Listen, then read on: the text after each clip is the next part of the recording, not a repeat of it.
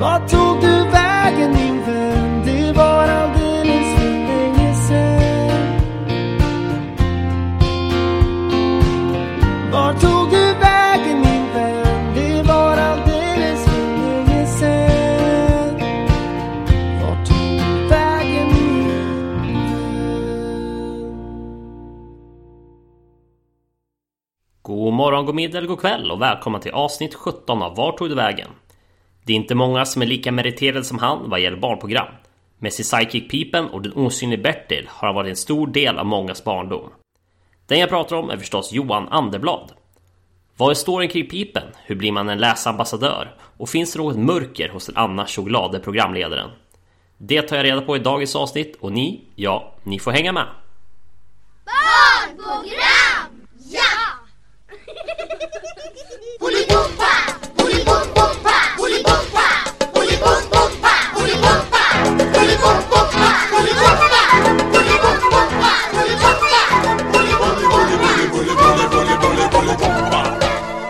Sett?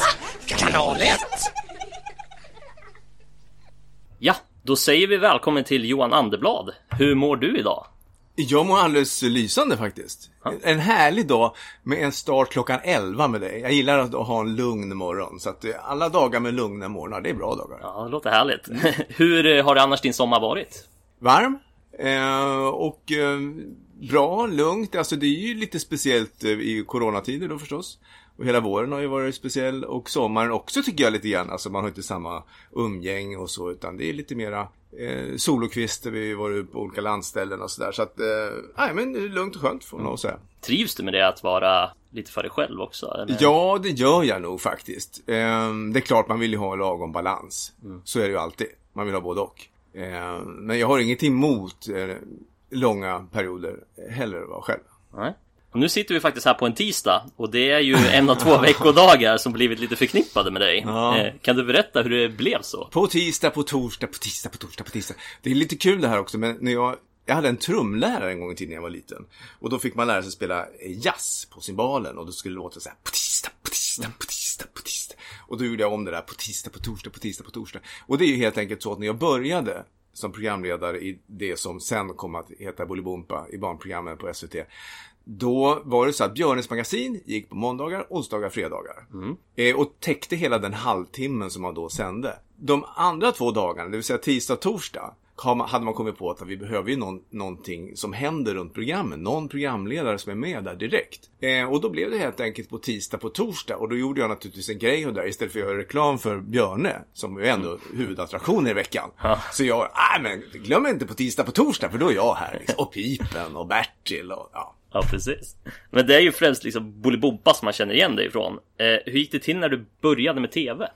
Med Bolibompa tänker du? Ja, Ja, för att du vet, när man tänker tillbaka i min ålder, vad man har gjort, det är så mycket vindlade vägar så att eh, det är knappt man har någon koll på det där. Men jag hade i alla fall hållit på med radio mycket innan. Och direktsänd radio framförallt i P3 och så. Kulturredaktioner och så. Och sen hade jag också jobbat med tv en hel del bakom kameran. Olika produktioner och eh, gjort dokumentärer och sådär. Så att det var ju liksom... Men, men jag hade aldrig varit framför rutan. Men då var det så här när jag tänker efter. Jag pratar länge för jag tänker under tiden. ja, ja, kör på. Jag sökte nog sådär som man gör alla möjliga saker som frilansare. Jobb som Björnes kompis faktiskt. Björnes magasin sökte eh, någon sån här människa som är med Björne, som ni alla känner till, som lyssnar på sådana här program, det vill säga eh, nostalgiprogram. Eh, och då skulle man skriva ett manus, ett förslagsmanus. Man skrev också då, med, de medverkande skriver manusen själva. okej. Eh, Så jag skickade in mitt manus, så här, ja men jag kan vara Björnes kompis, så här ser mitt manus ut. Och då skrev de tillbaka, eller ringde eller vad de nu gjorde, att ah, ah, ah, det där var, det var ingen vidare manus. Men! Vi behöver programledare i en ny satsning eh, som är vana vid direktsändning. Ja. Ja, men eh, vill du komma och provfilma för det? Ja, men det kan jag. Så gjorde jag det. Och så höll jag upp en teckning som min son hade ritat.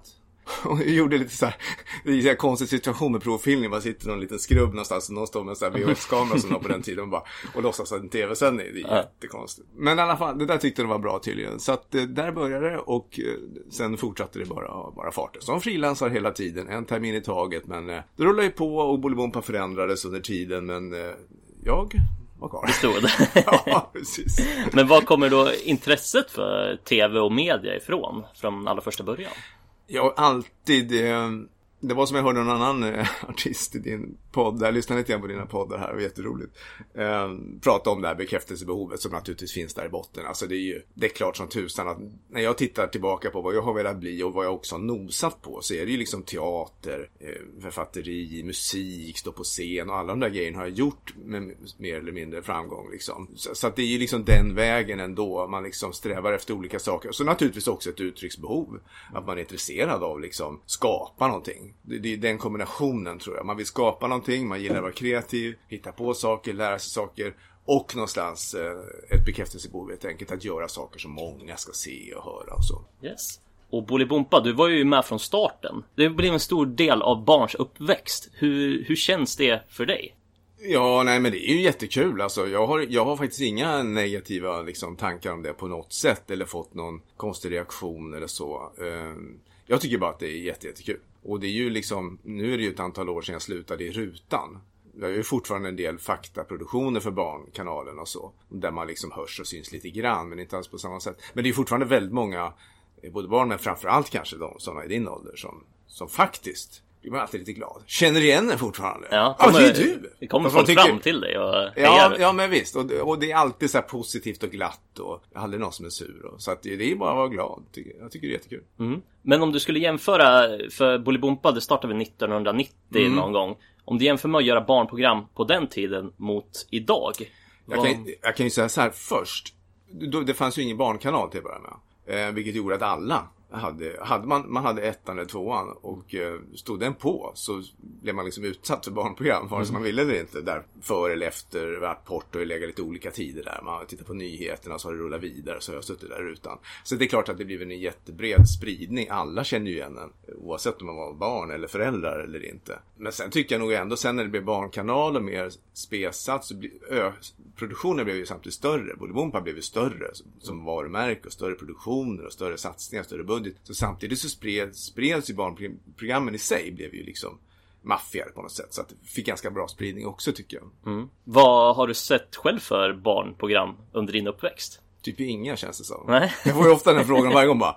Ja, det var något på julafton där. Ja, nej, jag, jag, jag har inga...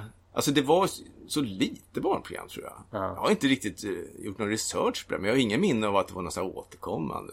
Nej. Ja, det var lite de här halv fem eller vad det hette och så var det något lite inslag där med några. Nej, jag, jag vet inte. Jag har inga egna sådana minnen.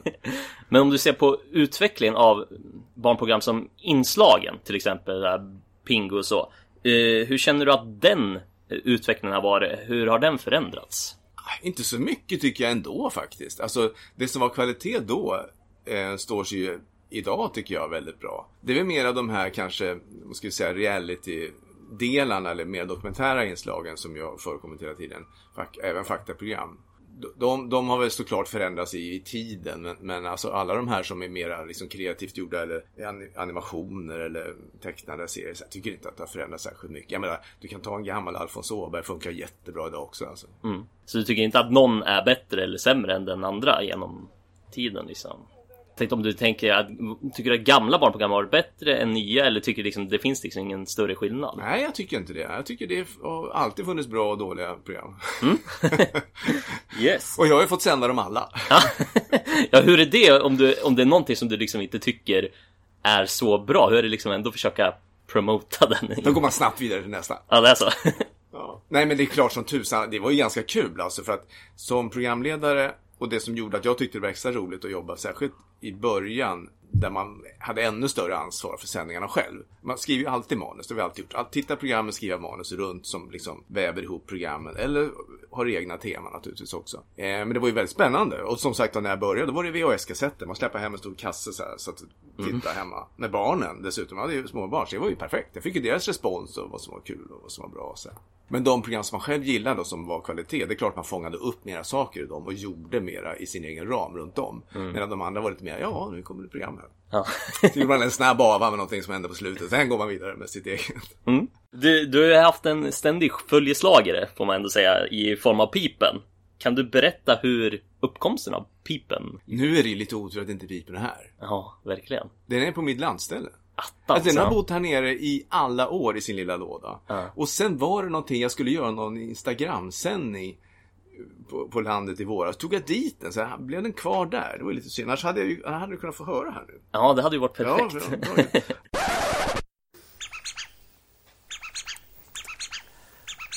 Jajamensan, visst. Ja, ja, hej, hallå, hej, ja, ni hör ju själva. Ja, pipen har ordnat en gömlek. Perfekt. Är det en bokstav du har gömt? Nu förstår jag inte. Hela studion full med bokstäver här ju. Jaha, en speciell bokstav. Som betyder extra mycket för dig. Ja, ja det, man, man hade ju hopp, man hade liksom önskat att det skulle vara sådär någon jättebra historia runt det där. Men det, hela mitt liv är bara att det, saker bara råkar hända, känns det som. Det vill säga, jag bara kom på, ja men det är väl kanske skönt att ha någon liksom att prata med. Nu gör jag sådana citationstecken i luften, ni som inte ser det här. prata med. Ja, så jag bara greppade någon närmaste sak liksom he, hemma. Bara tog med. Och sen, ja, tittade den pep ju också, vad bra, då kan den prata lite grann. Och så blev det pipen och sen blev den kvar där och sen fick den en låda och så började folk skicka in små halsband till den och liksom sticka små mattor till den. Alltså det blev ju då en jätte, jätte... Och det blev ju din sidekick. Ja men verkligen, men det börjar alltid som en slump bara liksom. Och, och så är det alltid, och det var lika det här med den här Bert, osynlige Bertil som satte på programmen och liksom var min, min medhjälpare. Det var, jag bara ropade någon gång så här, ja, det, var, var på riktigt tror jag, band som inte startade. Alltså det var ju direktsändning, så ibland ja, blev det ju fel. Så ropade de i öronen på mig, ja men vi har fel här nu, håll igång liksom. Jag tänkte, vad ska jag göra nu? Liksom. Ja, men Bertil, vad är det för fel på apparaten nu då? Så, så dök han upp och sen har han varit hela tiden, barnen ritat teckningar på Bertil som aldrig visat sig någonsin. Som är den där, ja. Nej, för det hade jag som en fråga. Han existerar inte alls. Nej. Eller det är bara helt påhittat. Ja. Ja, nu avslöjar vi den hemligheten.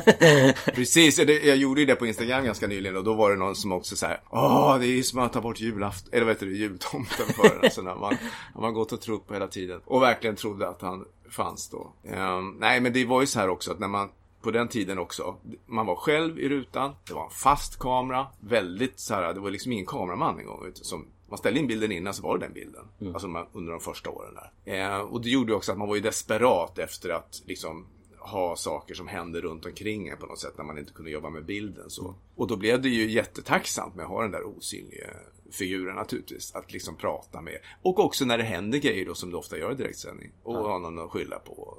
Här. Ja, det är perfekt. Nej men vad, nu ska vi titta, nej, nej! Nej, Bertil har gått hem. Ja, men då får vi sluta nu. Hej då. så. Ja, det är strålande. Nej, liksom nu. Nej, skönt. Ja, Bertil har haft mycket glädje av pipen också förstås. Ja, ja vad, vad betyder pipen för dig? Kan man fråga så? Ja, nej men alltså det är jätteroligt att ha en kompis som man känner så väl som man kan vara lite elak mot. Ja. För det var ju det, att Pipen och jag var ju lite små elaka mot varandra. Vi retade ju varandra hela tiden. Han var ju kaxig och jag var kaxig tillbaka. Och det där tror jag är någonting väldigt många känner igen när man har nära vänskapsrelationer eller om man är syskon eller så. Man, man tycker så mycket om varandra så man vet att man tål lite eh, elaka saker liksom. Och jag tror att det var den relationen som är så härlig på något sätt när man får till den. Men eh, pipen, vad, du sa att du eh, bara plockade någonting hemifrån. Men är det liksom en leksak som du är uppväxt med eller var det, vad kom, du vet inte ens var det kommer ifrån? Jag vet inte. Nej.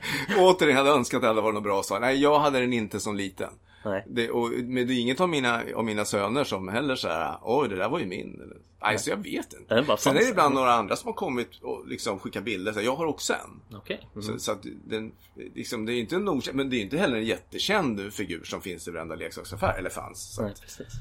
Eh, en annan grej som jag är lite nyfiken på. Hur mycket av en roll spelar man som programledare? Ja, jag tror att det gäller alla programledare faktiskt, mer eller mindre, när man är sig själv. Eh, och de flesta programledarroller är ju att du ska vara dig själv. Eh, men du gör ju en... Eh, alltså man spelar ju sig själv naturligtvis också.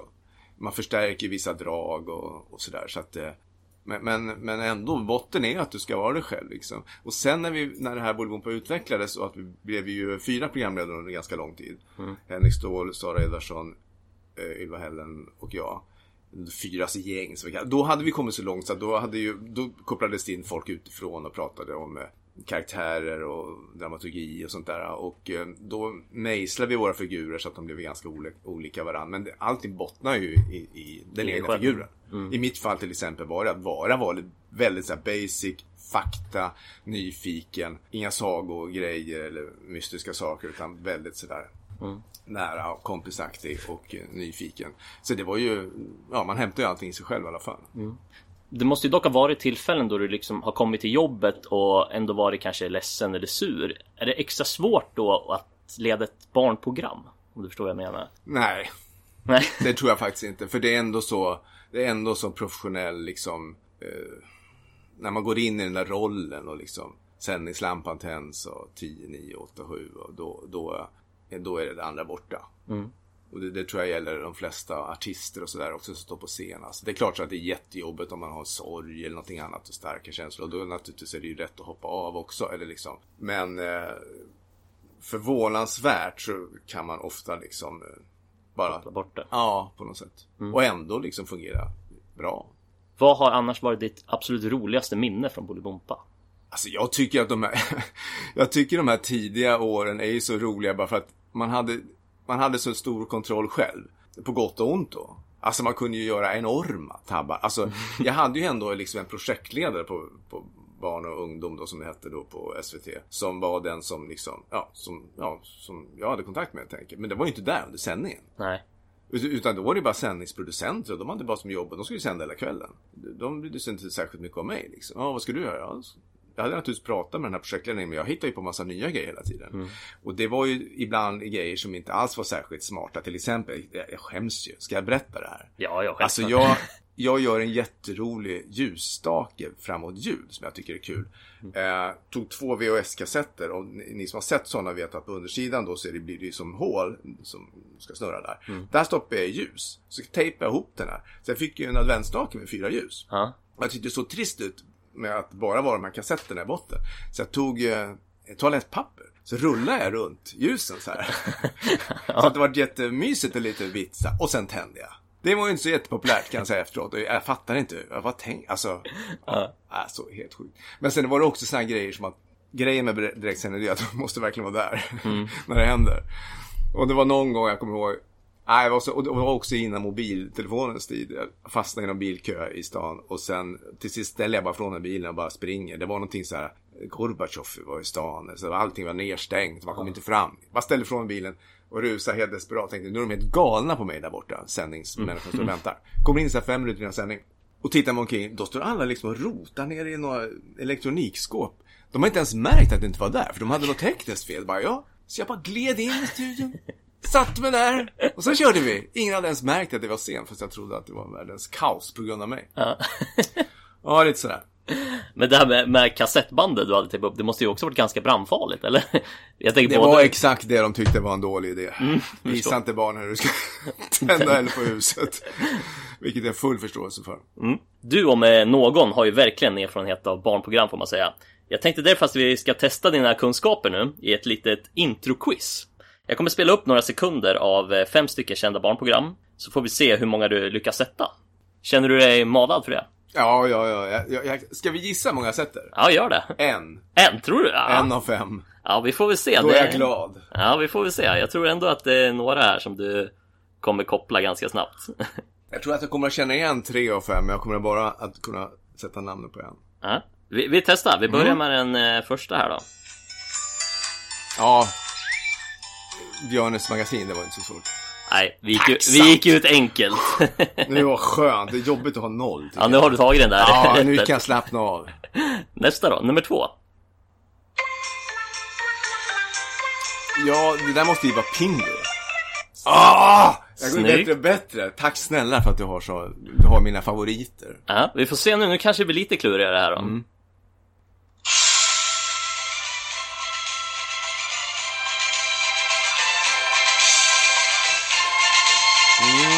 Mer så storslagen animerad tecknad serie som har gått länge. Men det är ju inte Mumindalen va? Utan det är något annat sånt där storslaget. Som, fan, nej, jag, kan, jag kommer inte klara det. Jag känner igen det alltså. Ja. Noaks ö. ja, ja. ja Ringer en klocka i alla fall. Ja, ja, ja, ja, ja. Och alltså lite stor, ja, det var rätt här, storslaget, animerat, höll på en lång tid liksom. Ja. Absolut, det är rätt spår i alla fall. Eh, vi kör nummer fyra. Oj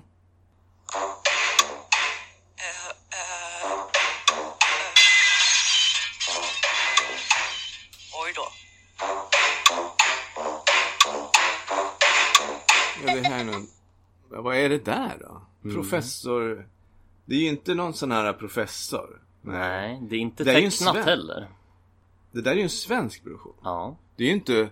Och det är ju inte Tårtan eller sånt där. Nej, det är något nyare. Nej, nej. Det var Ica i rutan. Var det? Det var det. Okej. Ja, ja den var lite klurig. Ja, det var den. Och, och, och har inte så... Jag, jag, jag ser ju framför mig liksom layouten, för den var ju speciell i det programmet. Och Ica är ju också speciellt förstås. Men... eh, Ja, ja. Mm. Mm. Vi kör den sista då. Får vi se om du får mer än hälften rätt här.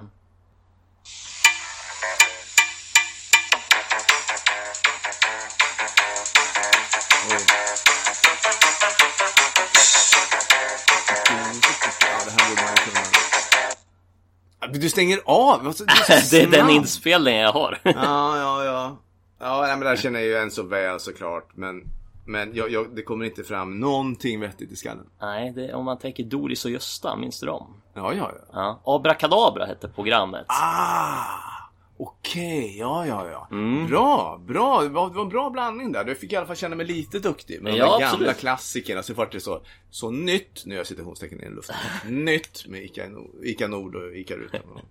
Ja, jag vill inte göra det för enkelt. Jag tänker börja här med mjuk start och sen Mm. går vi ut lite svårare sen. Tacka för det. Eh, men du, enligt min källa, eh, som i detta fall var Wikipedia, så slutade du på Bolibompa 2014. Och då kommer min fråga. Vart tog du vägen?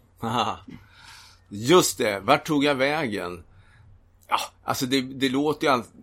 Det, det verkar alltid vara så dramatiskt när någon försvinner från ett programledarjobb någonstans efter 20-25 år, som det här ändå är. Eh, Men det som hände var ju helt enkelt så tråkigt så att, jag menar, det, de gjorde helt enkelt om programmet. Eh, Det skulle göras om. Eh, Från det här med med programledare i rutan som skrev sina manus till den här drakens värld och så. Alltså det gjordes helt enkelt om. Det fanns liksom ingen plats för mig. Nej. Eh, och jag var inte intresserad av någon plats där heller. Så att, så att det var ett ganska bra och naturligt sätt för mig egentligen att, att, att sluta där. Men det som, som gör att det, inte, att det var ännu mindre dramatiskt, det var ju att jag höll ju på med mina tv-produktioner för Barnkanalen Fakta-programmen. Med Bondgården och Skräp, vad som hände med återvinningen. Johans fordon, som är väl kanske den mest populära som fortfarande rullar. Bygga hus går nu till exempel. Jag gjorde bara för något år sedan. Eh, Så att på det sättet så har jag haft kontakt med Barnkanalen och barnprogrammen också. Så att egentligen för min del så ju, har det varit ganska så här, mjuk utfasning. Sen kom ju böckerna in där också och ändrade mitt liv liksom. Ja, vi kanske ska hoppa på det. Eh, barnböckerna om Bojan. Berätta mer Ja, om... men alltså det, det känns som att hela mitt liv är sådär att det liksom, det bara händer grejer lite sådär och väldigt, väldigt flyt hela tiden. Och eh, så när jag inte var programledare längre, fortsatte med de här produktionerna, bland annat då Johans fordon. Eh, ja, så var träffade jag en kille som spelade tennis med faktiskt, som jag hade ingen aning om vad han jobbade med. Vi träffades i något sånt där gruppspel. Och han bara, ja, jag jobbar på bokförlag. Vi, Du kanske vill göra en bok? Om eh, du verkar vara bra på fordon. Ja, då jobbade han på Bonnie Carlsen, det största barnboksförlaget. Och sen snackade vi lite grann och sen gjorde jag första boken om Bojan, en liten kille då som älskar alla fordon och har en mamma som dessutom har kört alla fordon. Som har varit polis, brandman, bärgningsbil, eh, ambulans, eh, traktor, allting kan hon. Så det har blivit fem böcker hittills, det kommer att komma ut en ny varje år. Eh, Och så blir det lite pixelböcker på det. Och sen började jag skriva andra böcker, så blev jag läsambassadör. Alltså det blev ett helt bokliv. Som, Från tv-liv in i ett bokliv som jag aldrig hade varit i förut. Så det var ju väldigt roligt för mig också. Att det blev ju liksom en ny start i mitt liv. Var hittar du inspirationen ifrån? Ja, det är ju, man använder sina ämnesområden helt enkelt. Liksom, och det som man gillar, är nyfiken på och, och kan. Och nu blev det ju liksom återigen en mjukstart i och med att fordon redan hade, hade jag ju hållit på med då som tv-serien. Och att liksom fortsätta in på den vägen. Eh, sen har jag börjat skriva nu första boken som inte har kommit ut än. Eh, som är mera för äldre barn och ungdomar. Men det är också som är mer en krimbok kan man säga. Men det är, men det är ändå liksom lite motortema någonstans. Man använder sina intressen någonstans där och, och väver in. Och sen... Finns det något satt datum när den boken Nej, kom? nej. Det är lite hemlighetsstämpel länge. återkommer. Ja. Ja. Titta på Instagram. Jag lovar att berätta. Ja, ni får se till att följa Johan Ja. där. Men händer det att man läser eh, andra barnböcker för inspiration också? Oh ja, oh ja, verkligen. Det är så, jag som är ny i bokbranschen också har ju liksom, det är ju så jag har lärt mig. Man tittar hur andra gör. Och så tänker man, det där var bra, eller det där var inget bra. Och, Jag tänkte nämligen att vi ska göra ett te- test nummer två nu. som går lite i, ja, andra, det finns ju många kändisar som ändå har skrivit barnböcker. Så jag tänkte kolla om du kan lista ut vem som har skrivit vilken barnbok. Åh! det blir lite så här prestige. För Ja, är du... Som, som då liksom läsambassadör som jag varit i två år för Kulturrådet och nu också som jag kallar mig läsinspiratör, åker ut och håller mycket föreläsningar. Eh, läser, recenserar boktipsare TV4, både barn och ungdomsböcker och vuxenböcker. Så känns det som att, ja, det här vill man kunna. Ah! Okej, Har du, är du en vinnarskalle också? Ja, men lite är man ju lite så här mån om sitt eh, rykte. Det är mer ryktet som är viktigt här. Ja, men vi ser väl här om du tar några rätt då. Vi börjar med bok nummer ett. Du får alltså titeln så får du säga jag författaren. fattar, jag Mm. fattar. Då är Super-Charlie. Ja, det är ju Camilla Läckberg. Snyggt. Mm. På mitt förlag dessutom, Bonnier Ja, Carlsen. ja, då hade det Ja, kanske varit illa om den Nej, det hade varit dubbelt illa om han missat. Här då. Eh, Aisha i simhallen. Ja, det är Therese eh, Alshammar, simmar. Henne har dessutom stått på samma scen på Bokmässan och pratat om våra böcker. Så- Ja, men du Ja, ser. mm. jag har gjort det här för enkelt då. nummer tre. Stella och hemligheten. Ehm, det känner jag ju igen, men det, det är ingen klocka som ringer till direkt. Och du tänker att det är en kändis. Mm, det får man I alla fall liksom som är känd från annat än bara böcker. Så att Mm. säga. Nej, nej, nej. Det kommer jag inte klara. Nej, det är Madeleine Bernadotte. Ja, okej. Ja, ja. Mm. Det hade man ju gärna tagit förstås. Ja, nummer fyra. Böckerna om Athena. Ja, mm, känner jag ju också igen. Jo, vänta, jo, ja, dum jag. Athena, det är ju eh, eh, Det är ju hon som har varit på TV är mycket och har den här karaktären som Precis. är väldigt känd som jag inte heller kommer ihåg vad den heter. Vad heter karaktären? Grynet. Grynet ja, och då heter ju hon Herregud. Vi är också på samma förlag. Och vi jobbar på samma kanal gjorde ni med. Ja, nej men vad pinsamt. Eh, jag har dessutom böckerna här inne. Jag vet precis hur omslaget ser ut och allting. Athena-böcker. Mycket bra kan jag menar jag sitter här och svamlar. Och hon heter ju Elin. Ja, Och hon heter ju eh, Elin... eh, ja, nej. Ek. Ek. Ja. Där har vi det. Ja, men den får du ju rätt för i alla Ja, fall. tack. den sista då. Fislandet. Ja, det känner jag ju också igen förstås. Men det kommer jag inte att kunna ta. Nej, den kanske klurig. Det är Cecilia Fors, skådespelare. Ja, okej. Ja, mm. Mm. den har jag inte superkoll på. Men när du säger det har jag liksom noterat att den finns. Ja, Ja, precis. Ja, då tog du, ska vi se här. två och en halv. Ja, ja tre. Jag ger dig tre. Ja, tack. Så det var tack, mer än tack. hälften där. Det var Tack, snyggt jobbat. Ja, men det var ganska skönt ändå. Yes. Men eh, vi har varit inne på det här ämnet, men du har ju fått titeln läsambassadör. Ja, Vad är det? ja, det undrade jag också när de eh, ringde och frågade. Och sa att jag hade blivit nominerad. För det blir man nominerad till, så det är en jury på Kulturrådet. Som utser den här t- två år i taget. Och så får man lite lön från Kulturrådet och åka runt och prata och sprida läsning. Både, till både barn och unga och vuxna. Ehm, så jag tänkte det här måste ju vara ett skämt. För jag, är ju inte, jag har ju inte hållit på med böcker. Jag har ju visserligen då skrivit, hade skrivit mina första böcker, varit ute lite på bibliotek och pratat om dem och så. Så det var ju den vägen jag hade blivit nominerad och tyckte, ja men vad kul, han har ju skrivit böcker, han åker omkring och han är lite känd från Bolibompa och så vidare. Men sen jag tog reda på vad det var, då verkade det ju jättekul. Jättespännande och jätteviktigt uppdrag att sprida läsning såklart som är så viktigt för att, ja, för att liksom kunna ha ett demokratiskt samhälle överhuvudtaget. Att, att folk kan läsa och skriva. Det är ju liksom superviktigt på alla möjliga sätt. Plus att det är så roligt naturligtvis. Eh, så då blev jag lite taggad och så skrev jag till dem att ja, om jag blev då skulle jag minsann göra det. här. För jag tänkte jag kommer ändå inte bli. Så man, man kunde ju bränna på ganska rejält. Så, så och sen de bara, ja, det blev du. Lyckligtvis så finns det fler fantastiska eh, människor som bärs av det här, eh, det här, vad ska man säga? Patoset kanske? Ja, patos och kallet och kunskapen och som vill lägga sin personliga prägel. Och vi letar ju inte efter en ny Ann-Marie utan vi, de, Kulturrådet, vi har ju letat efter någon som kan bära detta vidare och lägga sin prägel, sin personlighet på det här stora, stora uppdraget. Och därför är det en stor glädje för mig, det är det här är så jag har så många så mycket. att få eh, offentliggöra för er att vår, Sveriges, nya läsambassadör är Johan Anderblad! Ja!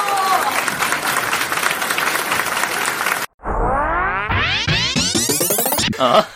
Har du lyckats hålla dem? Oj, ja det känns lite så här, oj, nu ska jag göra allt det här fantastiska som jag har sagt. Nej men det har gått jätte, jättebra, jag har fått jättemycket fint stöd från Kulturrådet och mycket pepp och sånt där. Jag har öppnat Instagramkonto för det också då, läsambassadören. Och fick jättemycket stöd och hjälp och glada tillrop och sådär. Och naturligtvis lärt mig under, under gång. Så att under de här två åren har jag ju lärt mig jättemycket om läsning överhuvudtaget och hur man kan promota den på olika sätt. Och, ja, det var jätte, jättekul och det har ju förändrat mitt liv då, inte bara som författare utan också då som läsinspiratör som jag liksom fortsätter att vara naturligtvis och åka runt och prata om det och så. Så att det är jätte, jättekul. Vad är det för publik eh, du har när du ändå promotar böcker? Ja, alltså som när jag, eh, föreläsningar handlar ofta om, och det har jag själv tänkt lite grann så här att eh, det bra, ibland gör man för en, en bred publik, men ganska ofta också för de som liksom sen förmedlar. Alltså det kan vara sådana som jobbar på fritids eller i skolan naturligtvis och förskolor och så vidare som sen kommer att träffa jätte- jättemånga barn. Alltså att peppa dem att använda böcker i sin vardag och visa hur man kan använda dem, hur man kan ha boksamtal och liksom hur viktigt det är att det överhuvudtaget finns böcker framme och att man liksom har det som en naturlig del. Eh, till exempel på ett fritidshem och så vidare. Så att eh, så har jag jobbat mycket också. Eller och gör fortfarande. Hur mycket böcker läser du själv? Ja, nu dessutom så, sen ett år tillbaka så blev jag kontaktad av TV4 att vara med att boktipsa där Nyhetsmorgon. Som jag har gjort då med viss regelbunden bas. Så då har det varit olika teman sådär. Ja, men nu är det de nyaste böckerna eller nu är det deckare eller nu kör vi lite, ja, samband med andra världskriget där. Så ja, då kör vi lite kicks. Alltså det, var, det är jätte, jättekul. Så nu läser jag otroligt mycket. Plus att väldigt många förlag skickar böcker till mig. Vare sig jag vill eller inte. Ehm, Så det blir otroligt mycket läsning. Och väldigt brett. Och naturligtvis mycket barn och ungdomsböcker också. Händer det att du till och med slummar igenom böckerna då bara för att hinna med? Det gör det absolut. Och eh, förut var jag nog lite mer så här, då ska jag läsa den här boken från början till slut. Och så. På den gamla goda tiden. Men nu som lite mer professionell läsare, då blir man ju lite så här, okej, det ligger en hel hög här. Om jag tycker att den här är så här, så där, liksom, ska jag verkligen fortsätta lägga tid på den? Nej, det ska jag inte. Samtidigt har jag blivit otroligt mycket mer kräsen, har jag märkt. Det vet jag inte om det är bra riktigt. För min egen läsning, alltså sådär, som då, eftersom jag liksom ändå håller på med författeri nu, att jag tittar ju mycket mer på språket och texten. Jag tycker att det här är inte så himla välskrivet. Då kan jag bli lite så här, skit i den här boken. Yes. Snobb har jag blivit, jag tänker. En boksnobb. Eh, Men du har ju jobbat mycket som konferencier också. Och någonting som jag skulle vilja prata lite om är meditation och hälsa. Hur använder du dig av meditation i din vardag? Jag mediterar varje dag. Har gjort i 30 år blir det väl nu snart. Varje morgon. En transcendental meditation kallas det och är liksom en metod som var väldigt populär då när jag började. Nu är den kanske inte lika populär men det finns ju massa varianter på det där. Man kan jobba med sin andning men här handlar det om att man har ett mantra. Men det går ju ut på, i mitt fall så har jag 20 minuter varje morgon där jag liksom försjunker in i mitt inre på något sätt och bara släpper loss allting. Eh, och när man gör det liksom, och slutar tänka, eller vad ska jag säga. I, jag, I mitt fall med hjälp av ett mantra. Så eh, liksom glider man in i en annan värld, i ett annat tillstånd och liksom löser upp massa knutar i det inre och hela kroppen och, och liksom en, hjärnan slappnar av på något sätt. Så det är en väldigt skön start. Egentligen ska man nog helst göra det på eftermiddagen också. Men jag har liksom haft svårt att få in det i rutinerna. Så nu nöjer jag mig med att göra det på morgonen. Men det är, nu är det en förutsättning nästan för mitt... Eh, alltså jag är så van vid det, så för mig är det inget märkvärdigt. Det är som någon skulle säga, varför borstar du tänderna? Men herregud, det är ju jättekonstigt om jag inte gör det. Alltså så är det för mig att meditera nu. Fanns det någon anledning att du började med meditation? Ja, det gjorde det. Jag har ju alltid varit lite intresserad av liksom utveckla kreativitet och liksom eh, så. Så att jag kommer ihåg att jag köpte, jag jobbade i bokhandel för jätte- jättelänge sedan. Och då kom jag åt liksom alla böcker. Då skaffade jag ett par böcker om just transcendental meditation, amerikanska böcker. Eh, som var, gick ut på lite grann, och du börjar med det här, då blir du extra kreativ och skapande och får mycket kraft och sådär. Det tycker man låter spännande. Men sen krävs det ju ganska mycket att sätta igång ändå. Det gör ju det. Det är liksom en stor commitment på något sätt. Så att det har varit ju liggande där förstås. Men sen fick jag en av mina, eh, så här, vad ska jag kalla det? Ja, man bryter ihop helt enkelt. eh, som vi alla har, olika livskriser.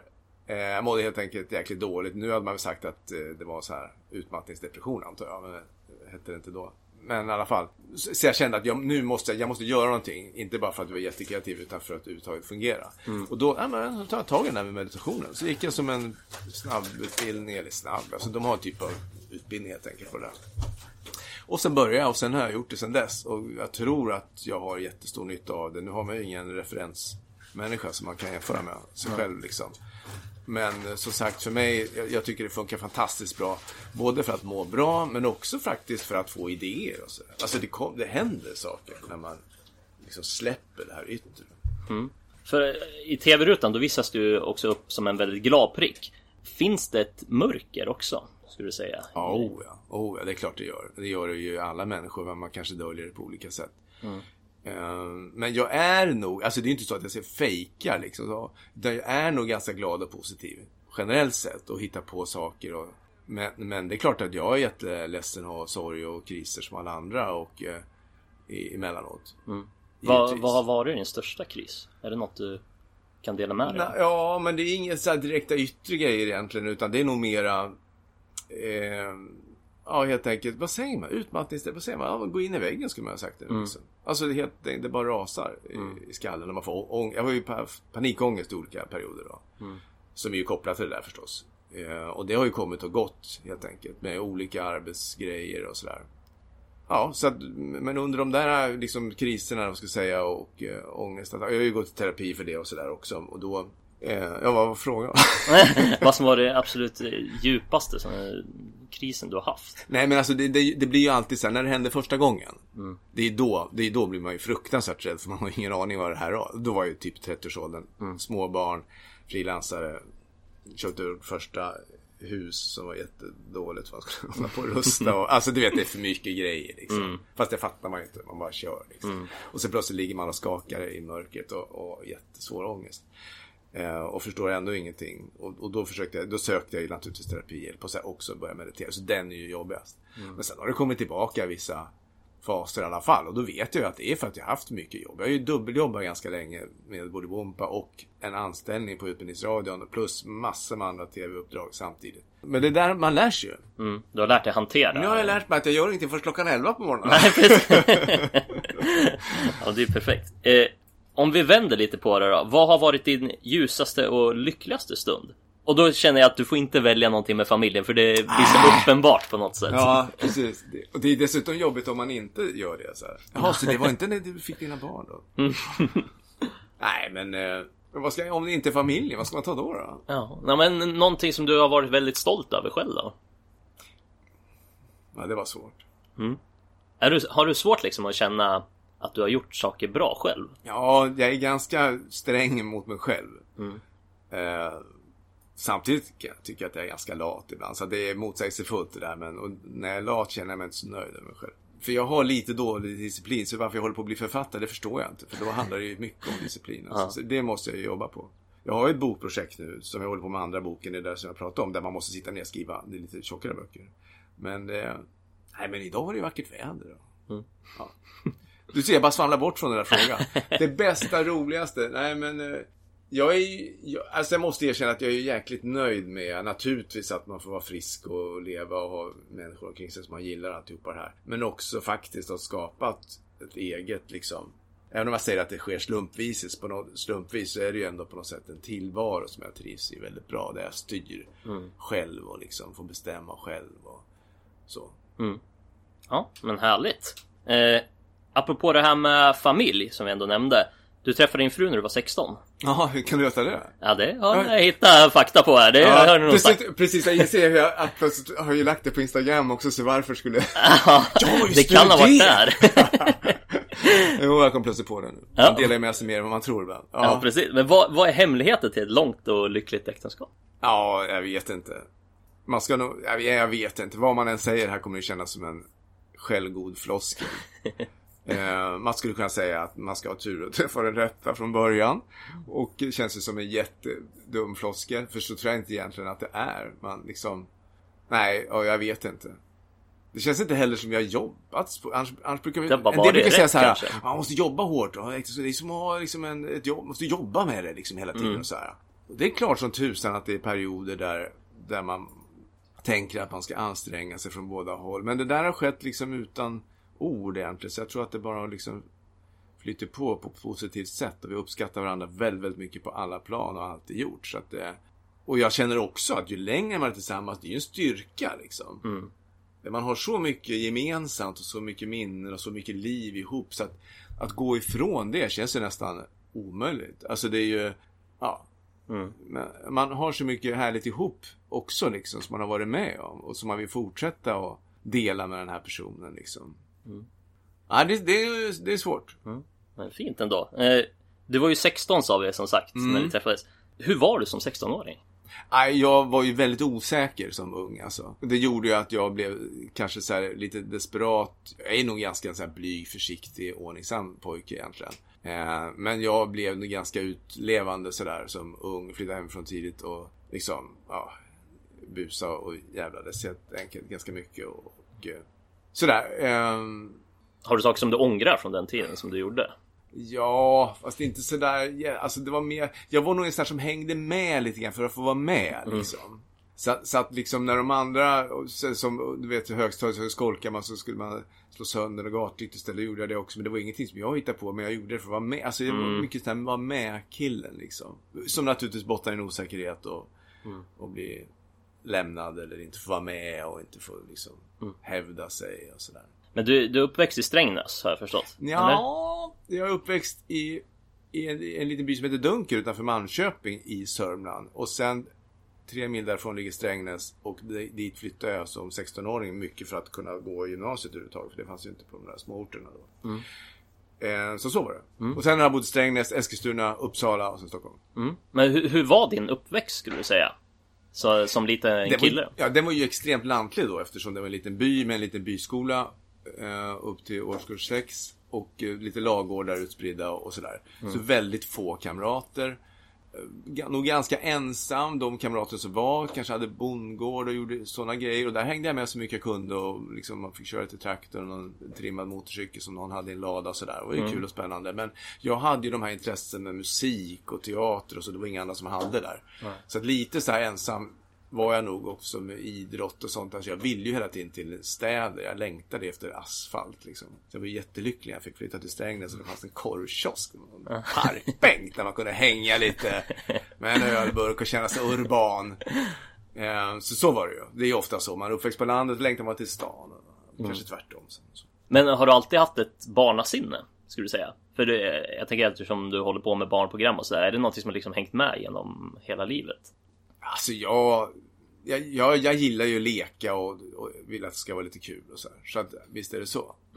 Men jag hade ju också en period då innan jag fick barn så jobbade jag ju på P3 eh, kulturredaktionen där och gjorde ganska så här djupsinniga eh, ångestfyllda program och filosofiska program. Och, där man satt så här och pratade och kände nu hur det verkligen känns inom dig. Och det är otroligt pretentiöst när man lyssnar på de här nu så tänker men gud. Alltså, för nu är man lite mer så här, skoja bort det lite grann. Så det är ju en blandning. Jag har båda sidorna i mig. Yes. Eh, men vad hade du annars för intressen då? Du var, du var lite inne på att du gillar sport har Ja, ja, jo men det är sport. Alltså men det, det, allting det där han, han, han, jag kan inte prata längre. Handlar ju, tror jag, fortfarande om det här, någon slags bekräftelsebehov. Alltså. Ja, om man åkte skidor vill man ju liksom åka fortast. Liksom. Och, och spela fotboll vill man göra mål och spelar man pingis vill man vinna matchen och sådär. Så att jag gjorde väl det som fanns liksom tillgängligt. Men jag har alltid tyckt idrott var kul och så. Så att nu, båda mina grabbar har ju liksom börjat med det sen också. Men sen när inte de höll på längre så var det också en period där jag lufsade runt som kultursnubbe. Så jag vet inte riktigt vad som är mina riktiga intressen. Men eh, vad kan du se för likheter mellan den unga Johan och Johan idag?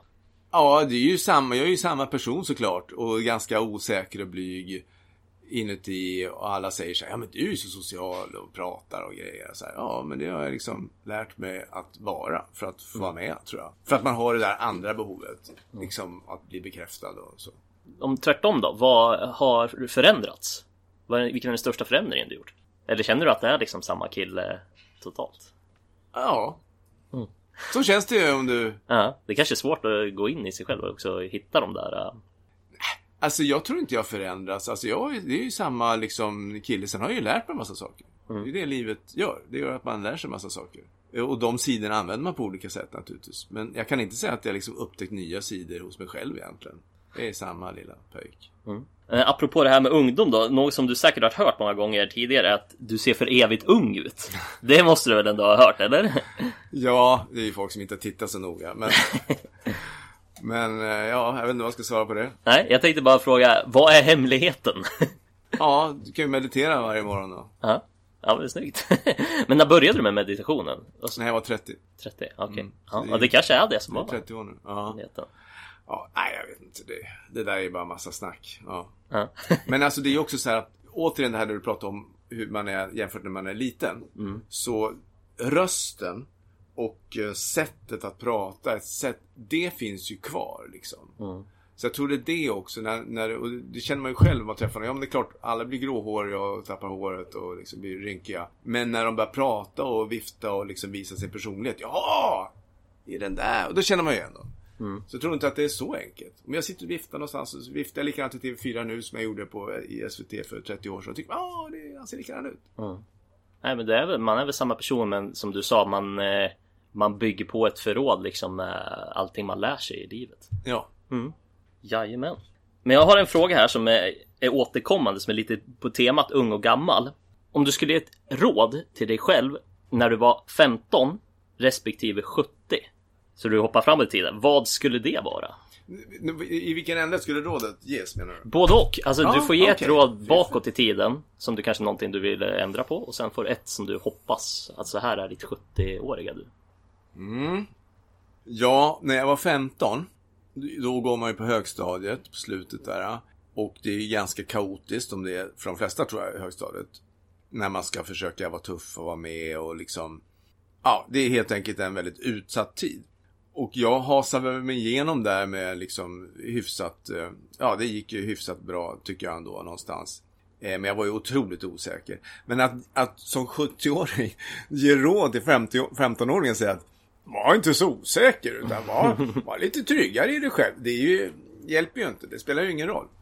Men jag kan inte, jag tycker nog så här att eh, de erfarenheter som jag gjorde som 15-åringen, de, de ska du behålla. Du gjorde som, som du kunde göra och det duger bra.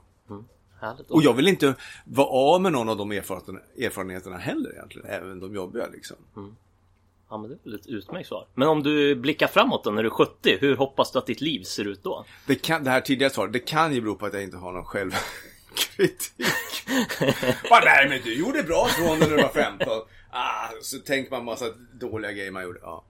När jag är åt, nej vad sa du? När jag, När du är 70? ja, när jag var 15 skulle jag tänkt ut någonting som jag skulle göra när jag var Nej alltså nu, om du blickar framåt eh, till du är 70, Ja! hur hoppas du att ditt liv ser ut då? Ja!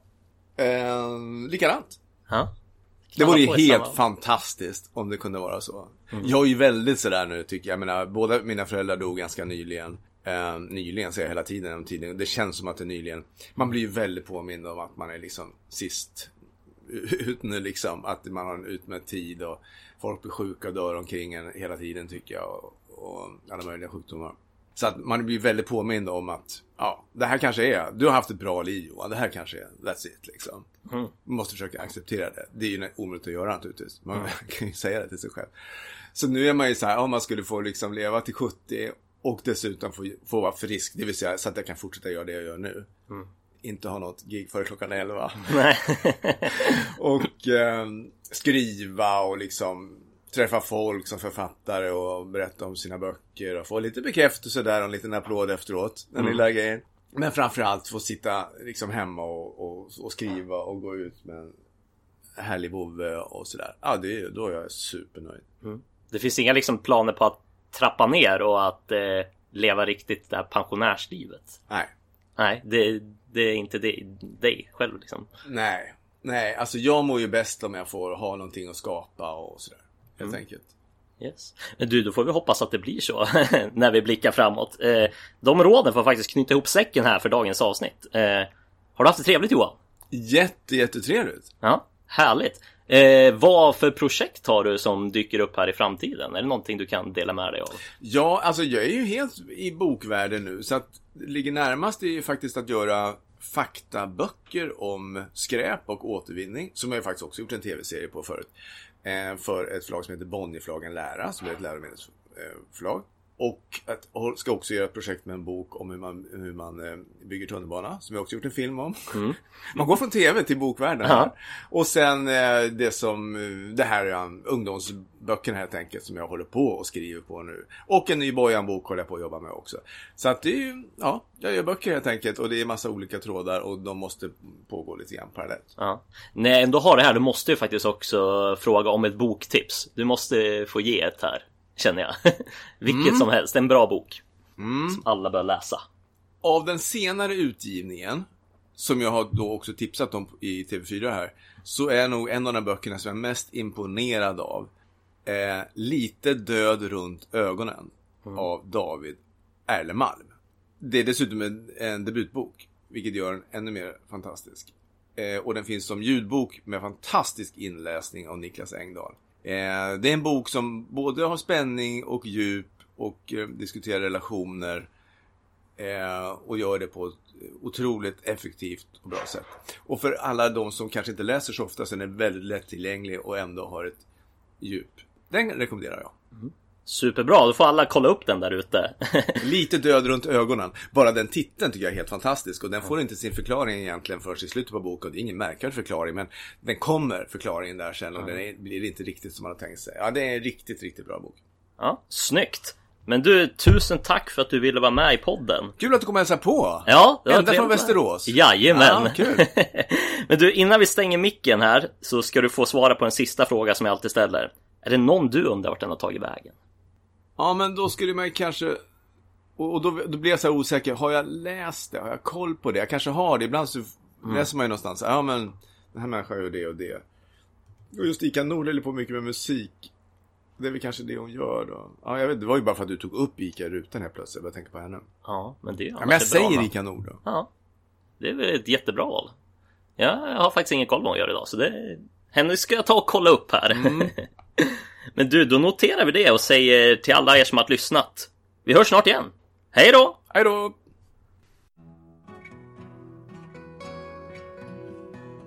Ni har precis lyssnat klart på avsnitt 17 av Vart tog det vägen med mig Jonathan Ståhl och min gäst denna gång var Johan Anderblad. Hoppas ni gillade det ni hörde. Släng gärna iväg en like eller ett meddelande på Insta i sådana fall så blir jag väldigt glad. Och nu när ni lyssnar klart så tycker jag också att ni tar och läser Johans boktips eller någon av hans barnböcker kanske. Eller vet ni vad? Vilken bok som helst så blir nog Johan glad. Då återstår det bara för mig att säga tack för idag och vi syns nästa vecka. Hej då!